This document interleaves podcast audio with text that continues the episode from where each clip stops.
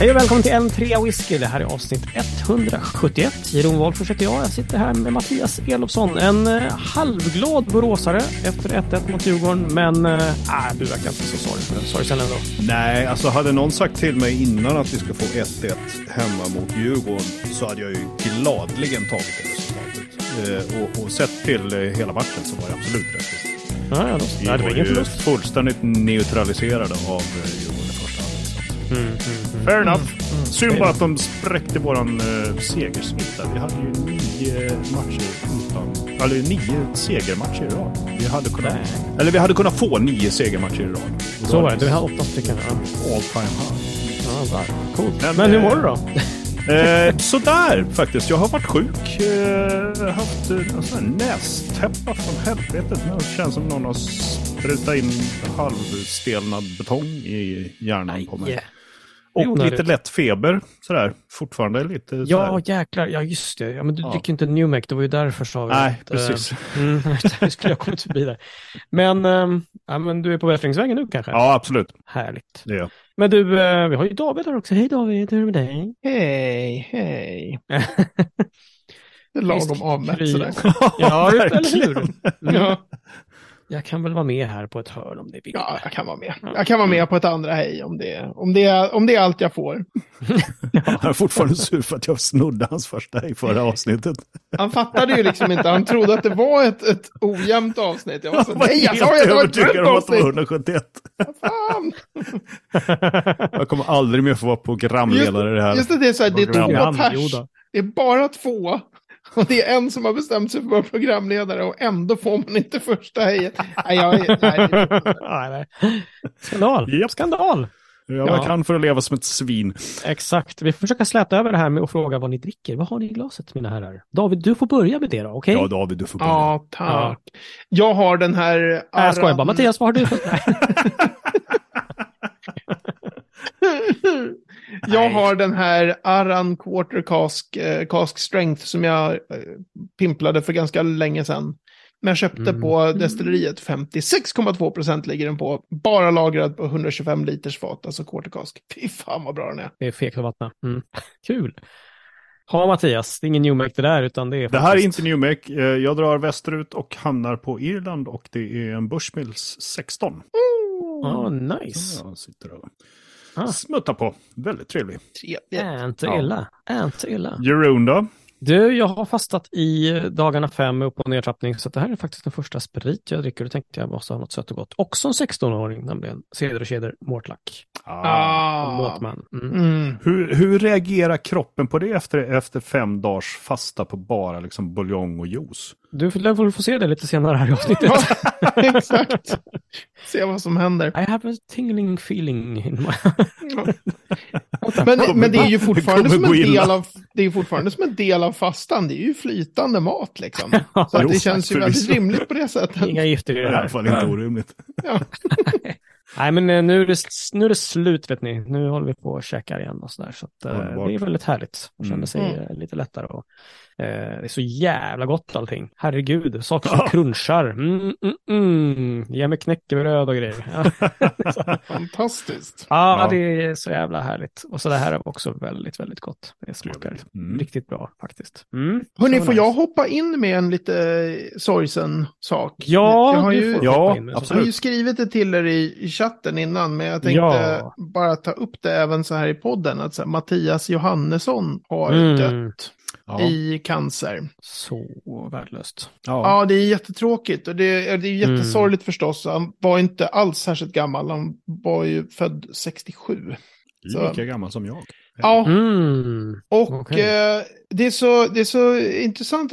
Alltså, jag, jag vet inte om jag någonsin har träffat honom. Jag tänker så här, Nej, jag okay. måste ju ha träffat honom på Mm. Något event så... någon gång liksom. Mm -hmm. mm. Någon provning. Alltså, men, men däremot så har vi ju skrivit till varandra ganska mycket, jag och Mattias. Okay. För att han är ju en av dem, han är ju en sån här riktig supernörd. Mm. Eh, han läste, kan vi ju retas med, med min bok, han har läst jättemånga av bokstäverna och kommit med superdetaljerade kommentarer. Ah, kul. Mm. Eh, och var sådär, hittade även de mest supersmå felen. Bara, Nej, det ligger nordväst, det ligger inte alls nord, nord om. När jag skriver så här, du vet, destilleri A, rakt upp, rakt norrut ligger destilleri B. Bara, nej, det är nordväst. Ja.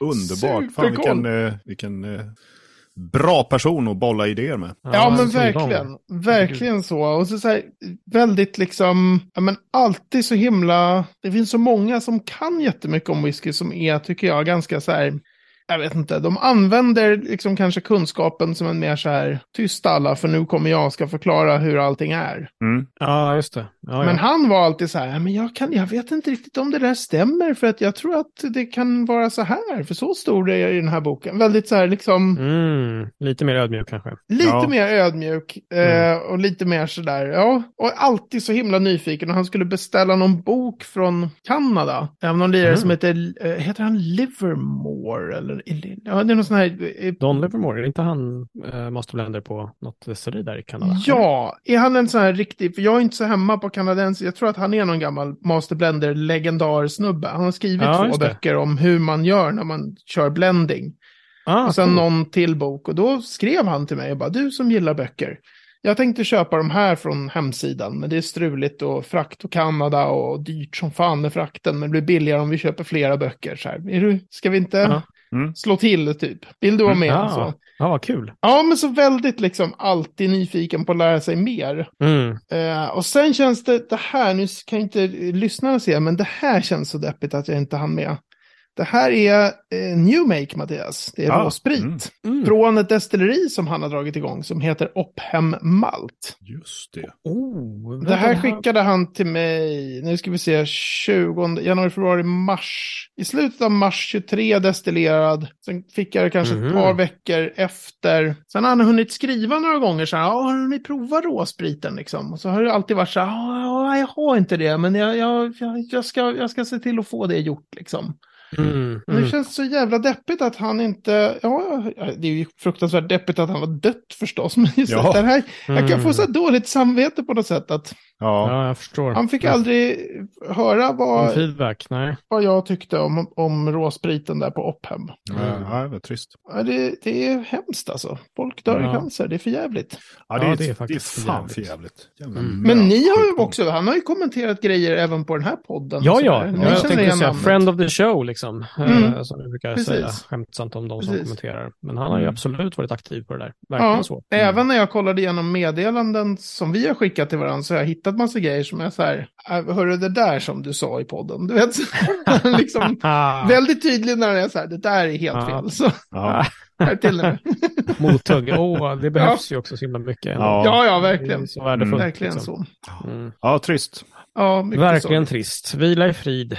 Ja, vi uh, höjer våra glas här, tycker jag. Vi höjer våra glas till Mattias Johannesson, verkligen. Mm. Ja.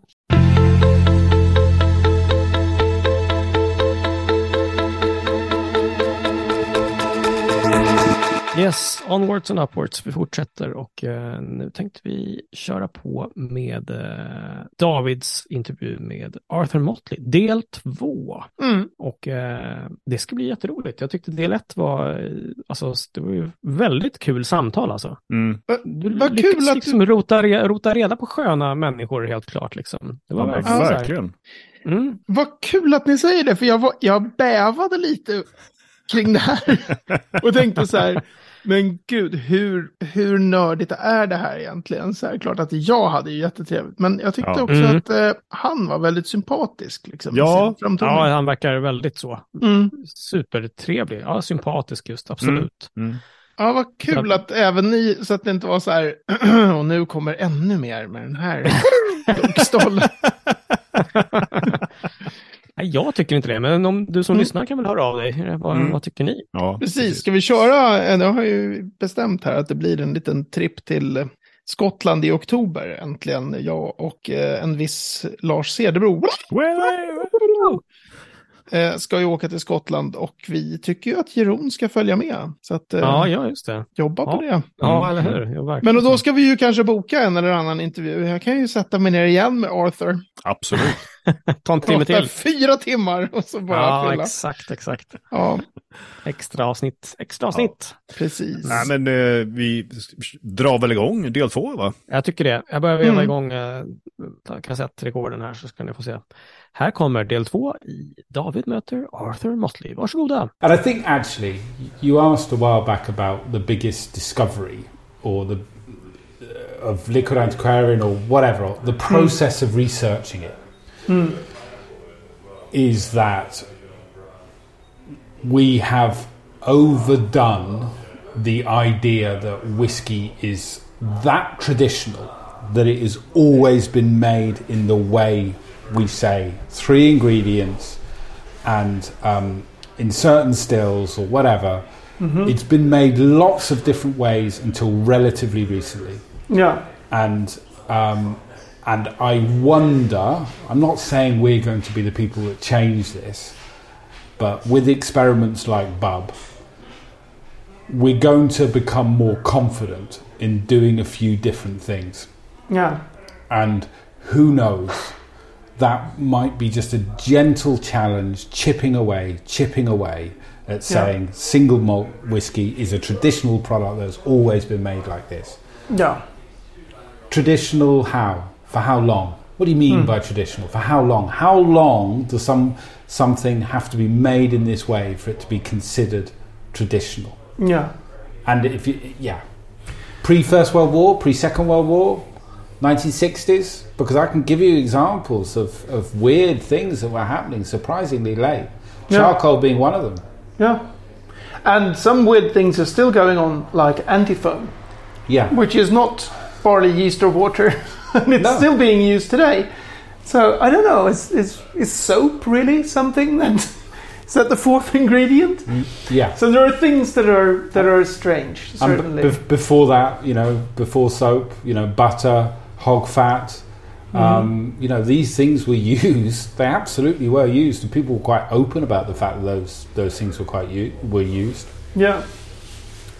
But um, it's interesting because one of the things that that are in the rules, the the Scotch whisky regulations, when I first read them, I thought that these are the Scotch whisky regulations. But mm-hmm. then you realize there are also these kind of other rules that it's, it's not really said out loud in those regulations. It's just these extra papers on the other side, like but that you can't use casks that have not been used traditionally.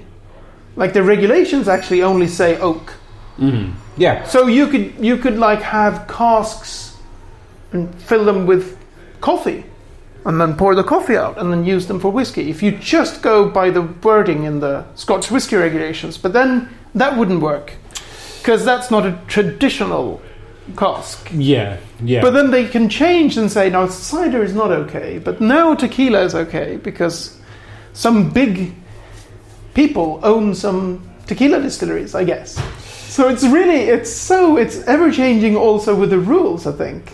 Well, exactly, and um, I'm hesitant to be too critical of the big companies because the Yeah. big companies got us to where we are today.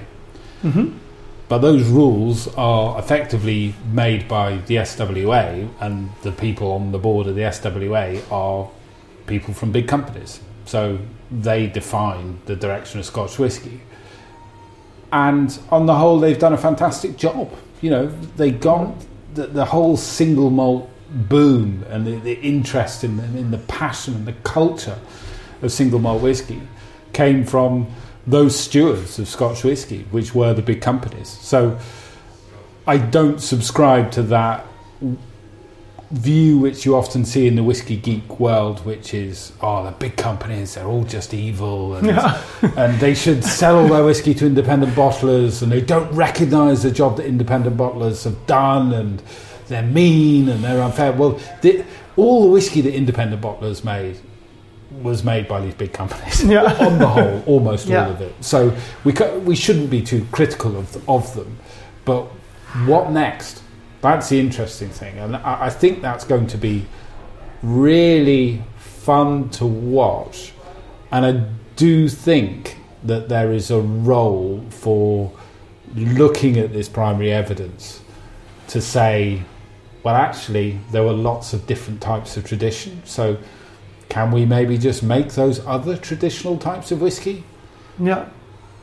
Can we use oats, please? Yeah, absolutely. just, just to say something, one of, one of the weird things. So, when I was away on holiday, I um, snuck off to the hotel a bit away from my family, and I was reading a really great document that is about the use of molasses in distilleries, mm-hmm. generally speaking. And it was a very dull document that took a long time to read, but within it there are these little snippets. Um, and yeah, there was a great one from a guy who he said he used oats, like many, many people, they used oats. Normally 5%, 10%, something like that. But he also used buckwheat mm-hmm. and peas. Um, peas? Peas. Okay, I thought you just said Pete. But no, no, no, no. Peas. Peas. Peas, yeah. Okay. Yeah. Um, why not? Okay, this was 1831. So is that too old? Is that too traditional? um, uh, but he didn't talk of it as being something unusual.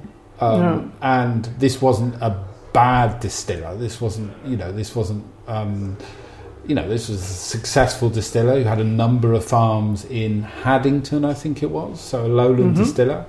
Um, and he was someone who had an eye on quality. And he used peas, he used buckwheat. And yeah, yeah oats is very, very common well into the 20th century. Let's yeah. use oats. Yeah. And, and people will, people are. Um, I think that's right in saying people are now using some oats again. Um, so mm-hmm. um, absolutely, let's do it. So in the in the and I will say actually, oh. since I've been working whiskey, people have said, "Oh, are you nervous about the threat of Japanese whiskey?" You know, that's an easy headline for Western writers and uh, writers for the Times or broadsheet newspapers. Wow, Jap- Japanese whiskey is winning the best whiskey in the world. You must be worried. Actually, I see Ireland, if you've got a Scotch hat on, mm-hmm. Ireland have this tremendous opportunity because they use different mash bills, and that is seen as traditional. So they have an opportunity to do things with flavour that are framed within tradition. And I think there mm. could be some, well, I know there are going to be some incredibly interesting things coming out of Ireland. No. And they've got that nailed on network around the world of people who will drink Irish whiskey because they love Irish people, they have mm. Irish heritage. There's an Irish pub in every town, every damn city in the world. So they've already got this sales network. And, you know, in 10 years' time, wow, I think Ireland is going to be so interesting. And Scotch, if it's not careful, could seem a little boring. Yeah. I think also with Ireland, it's also a question. If you're looking at that kind of bigger picture, you have to look at the amount of booze that is just being made. Mm. And Ireland has a lot of I mean, booze. a lot of booze. yeah. So I think for me, when many many years ago, when people started talking about Japanese whiskey, I was like, yeah, but what about Australian whiskey? But they are all like tiny, so tiny. tiny. They will never like they they have to you know like become 20 times bigger in terms of the size of the distilleries in order to matter yeah yeah it's great whiskey yeah it's just they can never make an impact yeah so so you have to have that as well yeah it's very expensive uh, it's very expensive as well the, the yeah it's extremely expensive it's extremely expensive I, I haven't tried as much as I should have done because it's so damn expensive and it's yeah. hard for us to sell. But I think Ireland is, is going to be a really, really, really interesting place because heritage sells, you know, and, and having a line back to history really, really helps. And actually, mm. that is the great achievement of the big distillers and and how they have kept quality very high with Scotch whisky because they did impose rules. Yeah. Um, but I think now we can we can break down a few of those rules and, and, and try some few a few interesting things and whether the legislation or the rules imposed by the SWA um, uh, are a hindrance to that or whether people just start calling it Scottish spirit and the strength and the understanding and the knowledge of whiskey geeks will be like, I don't care, I get it. Mm-hmm. I don't care if you don't let them call it Scotch whiskey. They're making some cool stuff. Yeah. And people like Holyrood, people like InchDairnie, um, you know, these guys are doing some cool mm-hmm. stuff. What what it will be called, who knows? Yeah. But it's going to be far more interesting than putting it in a tequila cask for me. Yeah, I think well, that's one of the one of the interesting things with with the whole, and that's been a, a, quite a few years now. The whole Scottish rye, almost movement, and then if you have to sell it, it's like okay, it's a single grain whiskey. Mm. Uh, that's the category for it, but it's really just a Scottish rye whiskey. But you can't put that on the label. No. So, but you're thinking that maybe the liquid antiquarian things that you are doing might help raise awareness about how non-traditional Scottish whiskey actually is in terms of how many different ways that it has been made. Yeah, I, am nervous about overblowing our importance, but um, uh, but the information is there. We're one of the few people to start talking about it, but the information is there. It is fact. It is on record, and those facts will come out whether it's through us. And our problem at the moment is time because Dave has a very busy working life. I have a very busy working life. Mm. This is a hobby, and that's why there's been so many gaps in when we've released episodes because each mm. episode is, you know, hundred hours work. I would say would be the yeah. would be the estimate. So my day job very much gets in the way, as does Dave's. But the information is there, and and mm. it, that will come out. Um, might also be that it might inspire sort of professional historians to look at the history of whiskey in another way, because they have also been sort of focused on the, the big stories and on the the histories of the companies, for instance. I know for one of the videos that you did for the um, the book, the 1920s, the, the, book published by James Eadie. The James Eadie book, yeah. When you had uh, the historian's view, yeah, uh, which I think was a great episode. Yeah, we were uh, happy. We're really happy with that. Um, yeah, I think like I said, you know how encouraged I was when you know you got in touch and other people who got what we were doing and were saying, "Yeah, I found out this thing. If you found out, if you noticed this thing," and it, it's an encouragement, I suppose, for other people to, to do their own work. And yeah. Leon, I think Leon Kuebler, who is the chap who did all the work for the James Eadie book, he made yeah. that discovery, which after I got over my jealousy. um, we, you know, he came to me pretty early because he knew I was interested in this kind of stuff, and um, and we worked together effectively on the launch. And Royal Mile Whiskies just helped get it over the line because they were struggling to find a publisher because a publisher couldn't see that there would be enough interest. So, mm-hmm. with my day job, I was able to say, "We will buy all the books. Tell us what it costs. How many you're going to make. We will buy all the books. You have to get this done." Because he'd been speaking about it for two, three years, I think. Yeah. And they were struggling to find a publishing partner, which is why they did it self published. Yeah. So I think there is so much more that can be written about. And mm-hmm. I think there are enough people interested, and we just need to go at it as a community because it's not going to come from the industry.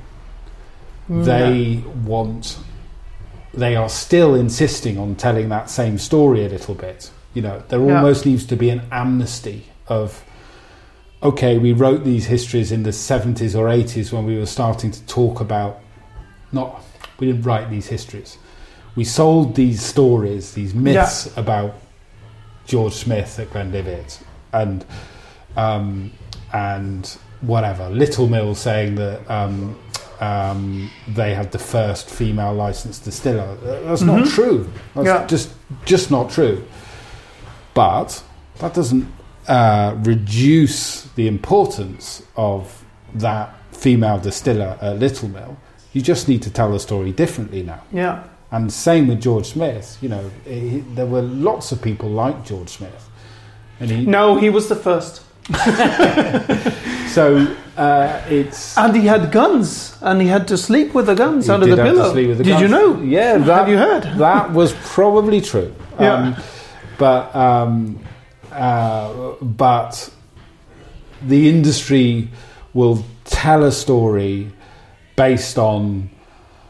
Well, they may even commission some great research, yeah. but then they will pick the things that they want to yeah. be able to put it onto a website that the casual yeah. browser can mm-hmm. digest. Mm-hmm. Yeah, yeah, yeah. But my feeling is there's so many people that go beyond that casual browser, and actually you start to annoy people if you tell some simplified stories that are oversimplified. Yeah. Um, because ultimately, you know, marketing, the sales, these are the reasons why they are commissioning historians to do work. And there's been a lot of histories commissioned by very good writers, but they can yeah. still only tell a certain story. Yeah. And, and they're not telling the complete story of single malt whiskey and how it fits in with colonialism, how it fits in with the opium trade, how it fits in with rum and slavery, and all these things yeah, yeah, are interlinked. Yeah. People had lots of choices about how to get a bit squiffy.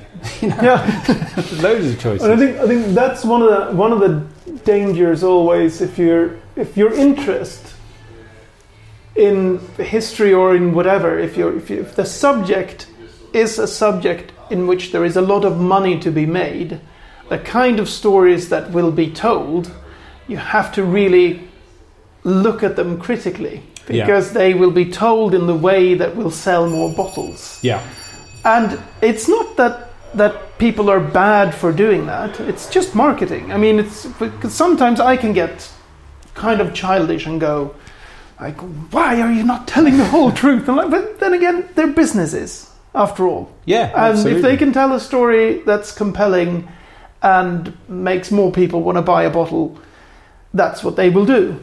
But absolutely. I think it's good to have to to sort of look at the the wider picture. Yeah.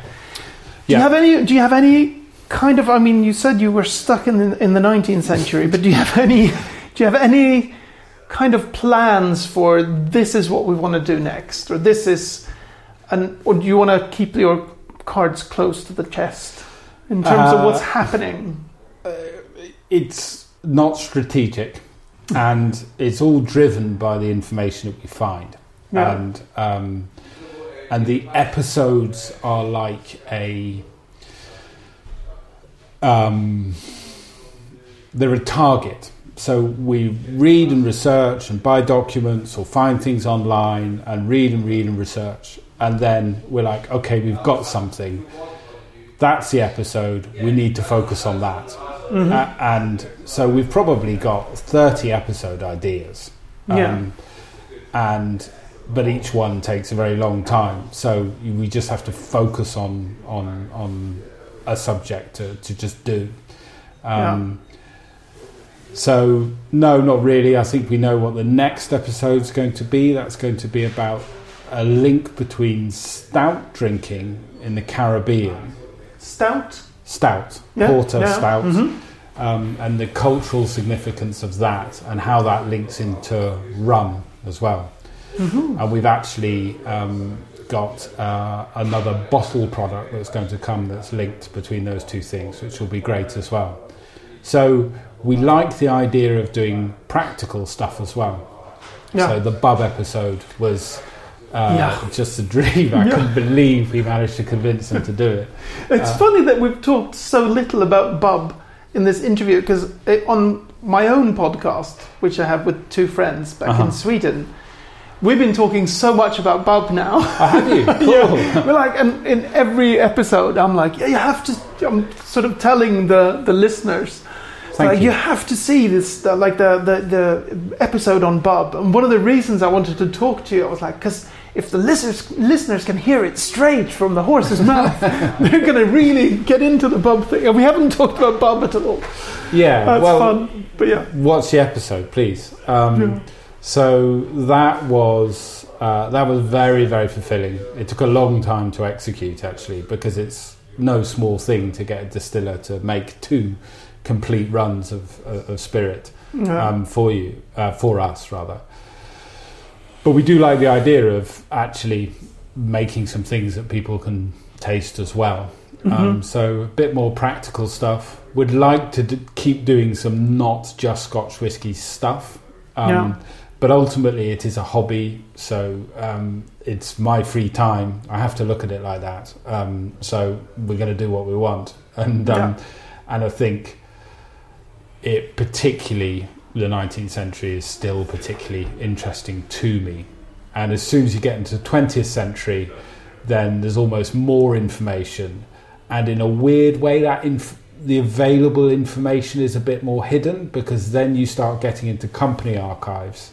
Yeah. And although Diageo have been very good saying, come up and have a look around the archive, I just haven't had time to do that. No. Whereas buying documents and researching documents online, um, that stuff I, I, seem to be able to access myself and with that kind of freedom. So that's where we're going. But yeah, we've got loads of ideas, and if we can keep doing one every couple of months, that would be great. But working life does seem to get in the way a bit. yeah, it's, it's, it's about the. Funnily enough, on the um, on the holiday, I was listening to something entirely different, and they were talking about um, police dogs, and um, and someone had asked this trainer of police dogs about what treat you gave them to reward them for when they'd done their work sniffing something out. Um, and um, and the trainer said, well, actually, the reward is the chase and that process for the dog, and they love that. They love doing that job. Mm-hmm. And if it's not too disrespectful to describe myself as a dog, um, it is the research I find really fulfilling. Yeah. But the fact that there is potentially an episode at the end means that I do it. Because before I would dip in and out of this kind of stuff just because I liked it.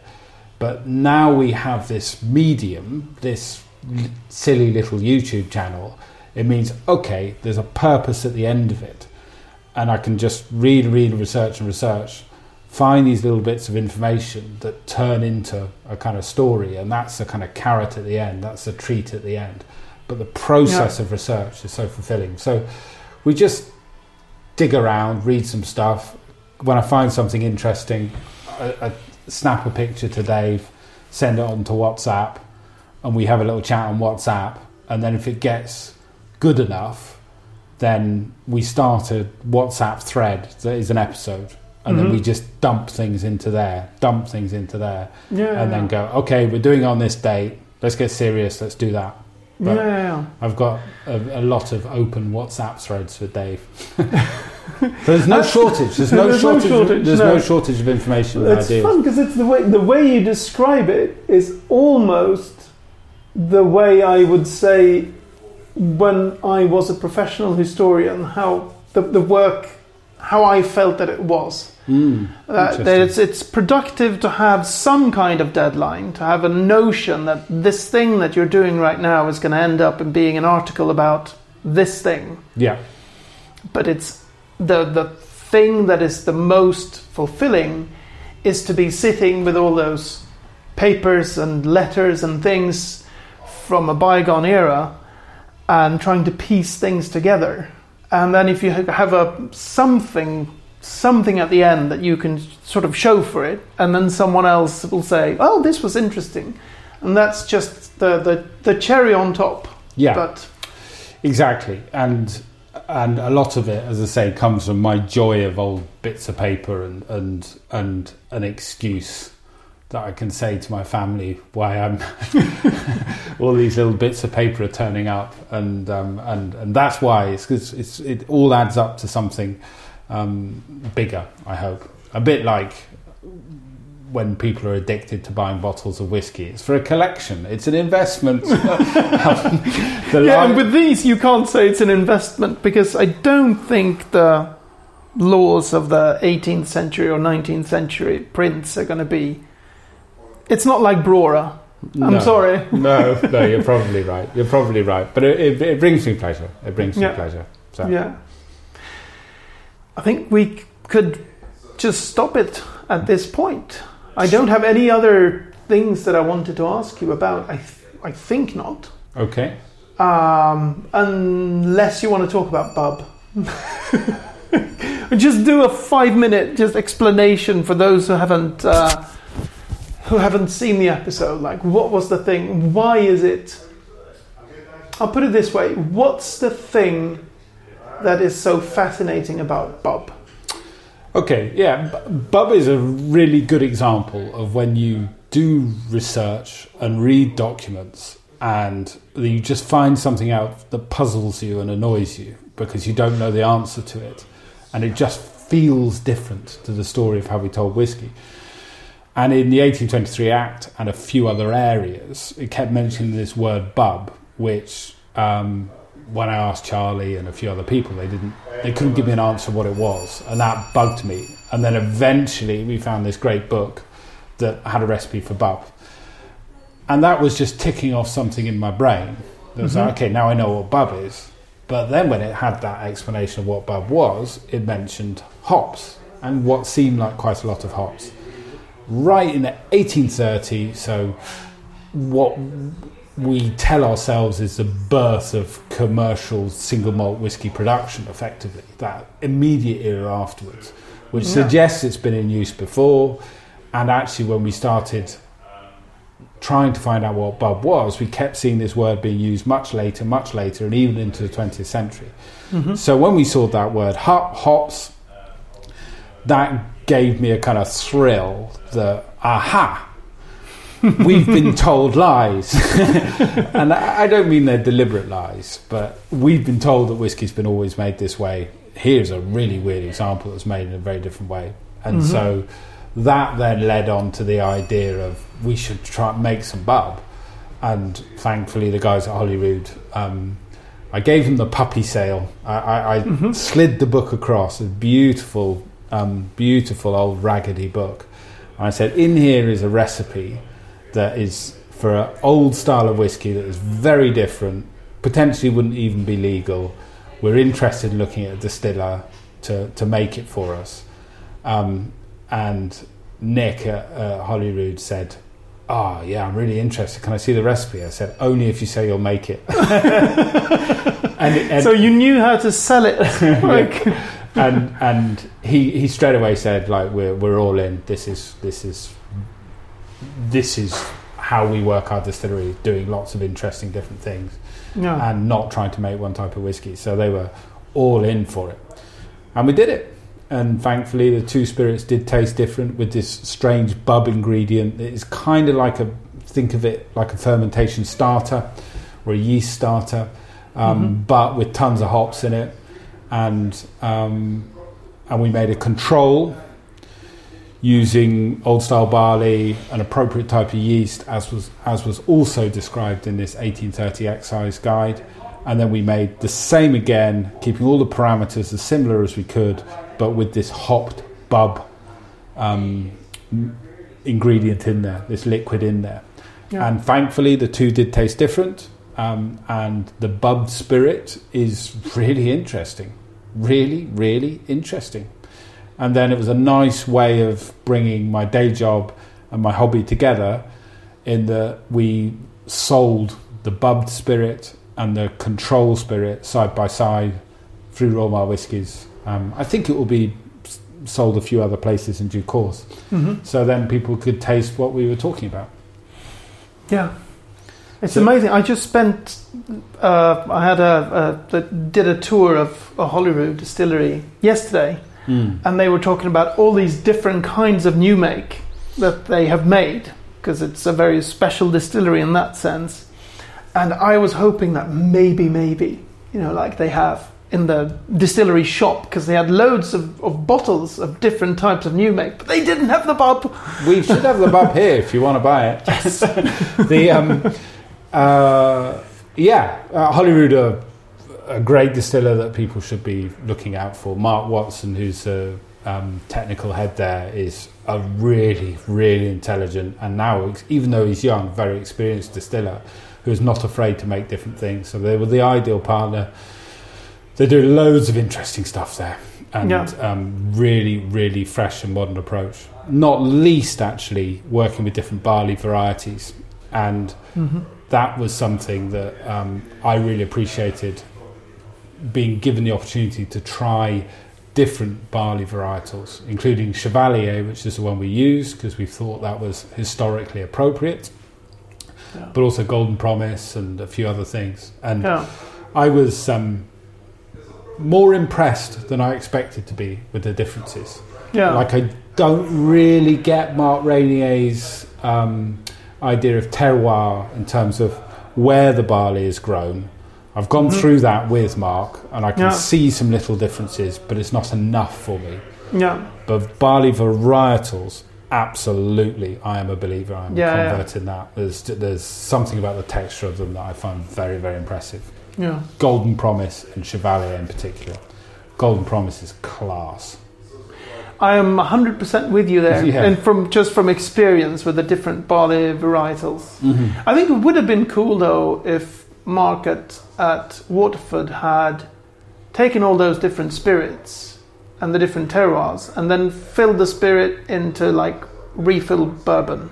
Yeah. But now he's just blasting them with really, really, really active casks, which just kind of kills the, the terroir for me.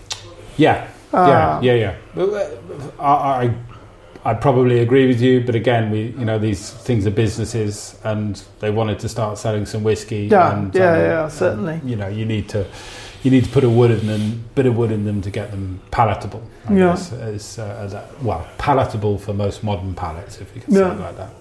But I think going back to Bub, I think one of the fun things about that whole episode, because I had also read about the Bub in the 1823 Excise Act, and I was also racking my brain going it's something to do with fermentation. Yeah. It's something to do with like the gravity of the worts, maybe. It's are they are they putting in sugar in there? Like I was sort of guessing, going, this that's something to start the fermentation, but but it's and and it's so annoying because of course for them, it's like someone had to define air today. Yeah, they just you know, it's everybody knows what bub is. yeah. And so I was really happy when you had when you had found a recipe for it, and of course excited with the whole thing with the hops because that's one of those things.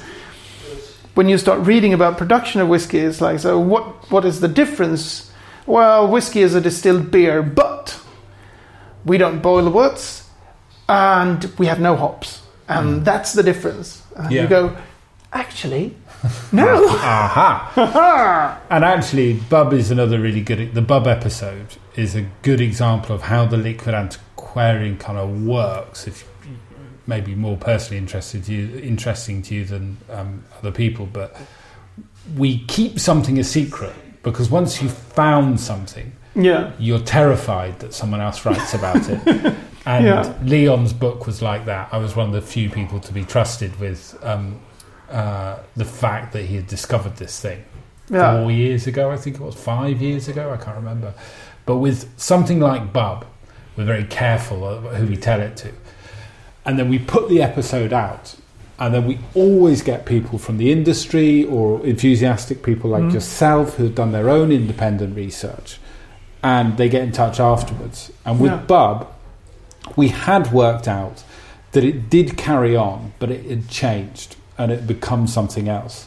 Yeah, the meaning of bub and the bub tanks and the grain distilleries and the 20th century is something else. Yes. Yeah. It's yeah. it's grain distilleries, absolutely. Yeah. And yeah. I did. I have now met a few distillers, and they're like, "Oh yeah, sure, bub. Yeah, yeah. No, I've worked with bub, but it's always in large grain distilleries." And um, who and a, then that's not with hops at all, right? Hops. No. no, the need for hops is gone. Yeah if we assume the need was sterilization rather than um, flavor, mm. um, then the need for hops is gone because they can control it, you know, through temperature, etc., etc., etc. But yeah. it was an efficiency thing. It was a cost thing in large grain distilleries yeah. um, because they could spend less money on yeast. Yeah. And so John Campbell, actually, I was overseeing Lochlea Distillery, mm-hmm. and asked him about Bub, and he was like, "Yeah, yeah, Bub, yeah, know about that." And InchDairnie, um, Um, I forget the Palmer. Yeah, Ian, Ian Palmer. Ian Palmer. Ian yeah. Palmer. Yeah, he who is doing some great things. Their rye whiskey is amazing. It is mm-hmm. brilliant. Anyway, he was like, "Yeah, yeah, sure, we work with Bub, and we're also doing something similar to Bub or a bubbing system over at InchDairnie, but without hops." Mm-hmm. So we always put something out on Liquid Antiquarian that we kept secret.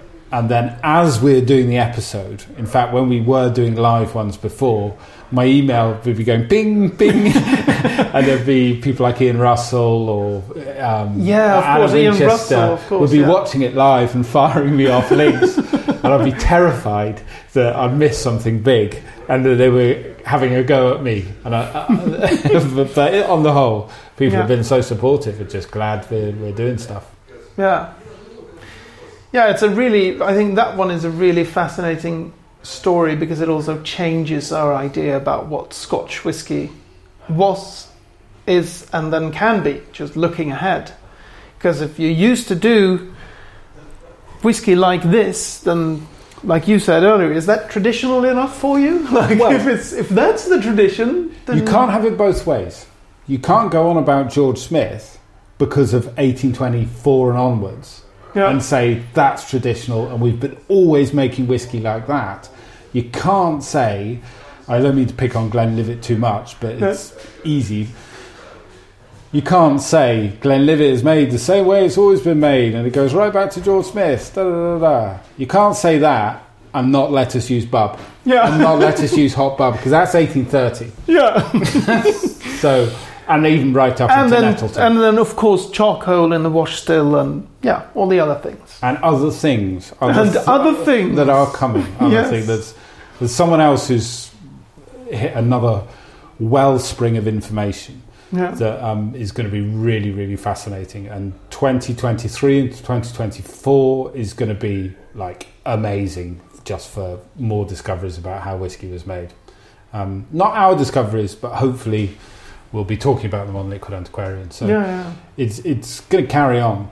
It's going to yeah. carry on. Loving it. Good. Well, thank you very much for this. it was really it was great. fun. It's great chat. Great chat. Great, great chat. It's great to meet someone as weird as me. likewise, likewise. Yes, och nu har ni faktiskt hört hela intervjun med Arthur Motley. Tro det eller ej, det blir inte en del tre. Trots att möjligtvis om du inte skulle ha Hot eller löfte? Ja, ta det som du vill. Det skulle vara så här, ett helt avsnitt till om bara Bab. För det har vi pratat så lite om i den här ja, podden. Var... Precis, precis. Det skulle jag vilja lyssna på. Ja, ja, ja. Alldeles ja. för lite Bab. Herregud. Alldeles för lite Bab. Men det roliga när man, när jag satt och pratade med honom och även när jag har lyssnat i efterhand. Mm så har jag känt, alltså, jag har ju avsnitt som jag inte har, jag har inte sett alla The Liquid Antiquarian. Nej, Nej de, är, de är ju rätt långa faktiskt. Det är ju liksom Precis, de är långa. Plus, liksom. och, och, det är mycket som inte rör whisky, som är andra spritsorter som inte Just är det. mitt huvudintresse. Mm. Men jag blir ändå så här när han jättekort nämner och bara, kolonialismen och, och och slaveriet och romhandeln liksom. Och så ser man så här, de har, vad fan, finns det massa sånt skrivet? Då finns det nog helt avsnitt om, om eh, liksom, sådana ja. kopplingar ja. som jag inte har sett. Så att, ja, det finns mycket att hämta där. Alltså. Mm. Ja, ja, ja. Det var kul, eh, jag läste efter ditt eh, första eh, intervjun där, eller första delen mm. av intervjun, så, så postade du på Facebook också, liksom just att, så här, att här är intervjun Arthur, liksom, så att du, du och fler kan ta del av den. Liksom. Mm. Och då var ju någon, eh, Margaret Marie, som var great interview, do agree with a lot of things you say, men sen vet du så Jaha, ja, jag visste inte om den där videon, men jag håller inte med alls med vad de säger. Nej, just det. Det glömde Hon kallar jag den till och med för på. clickbait. Så Oj, det var just det. Oh.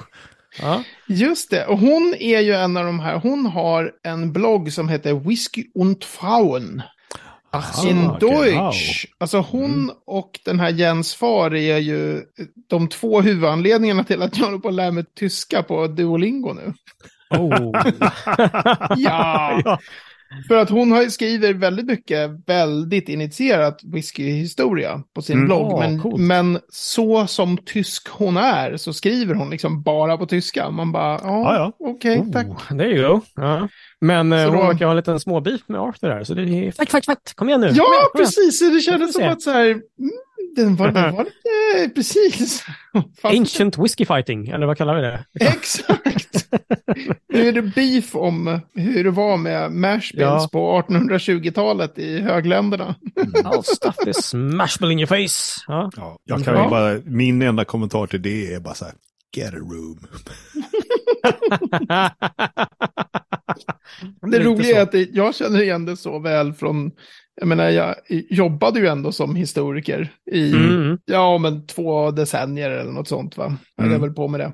Det är och bara där är det ju... två decennier, inte så här 20 år typ. Utan... Ja, men det är ändå lång tid som ja. jag var ja. det liksom. Och, det, och så, det var ju verkligen så här typ så här forskare A i Uppsala beefar med forskare Just det. liksom B på Södertörn om mm, huruvida liksom något Lindberg. ägandeförhållanden i den här byn på 1620-talet. Liksom. Man bara så här, de har svårt att prata med varandra, det blir jobbig stämning om båda är i samma rum. Ja, ja, just det. Man just bara, det. ja, jag vet inte. Ja, nej, eller hur. Väldigt roligt. Väldigt ja. roligt. Mm. Yes, men hörni, från och med nästa avsnitt av uh, en ETV så är vi väl tillbaka lite mer på on track helt enkelt. Ja, då blir det, nu är det färdigt med de skotska intervjuerna. Hej, hej, hej, let's get some more. Mm, Tills i höst någon gång. Ja, exakt, exakt. exakt. Nu går vi på uh, våran Summer of Fun här så ska ni få, mm. ska ni få. Mm. vanliga avsnitt. Så det är så. Och eh, det innebär att om du som lyssnare vill höra något särskilt som vi ska prata om så eh, go ahead, hör av dig till oss vet jag. Och vi säger så här att på n3whisky.se 171 kan du läsa lite mer. Och David har samlat fina show notes om det här, jajamän. Som fan. Ja, det är härligt, härligt att höra. På facebook.com whisky så kan du komma i kontakt med oss. Maila på hejatentreawhisky.se. Vi finns på Instagram. Vi finns inte på LinkedIn ännu. Ever. Ever. vi kanske skiter i det. Kan vi göra det? Ja, är det okay? ja aldrig våga vägra LinkedIn. Precis. Tack, tack. Ja, oh, lovely hörni. Ja, vi säger väl att vi, eh, vi kommer att höras om en vecka. Som fan. Mm. Då så. Vi eh, hörs. Hej, hej. Tjena. Hej. hej.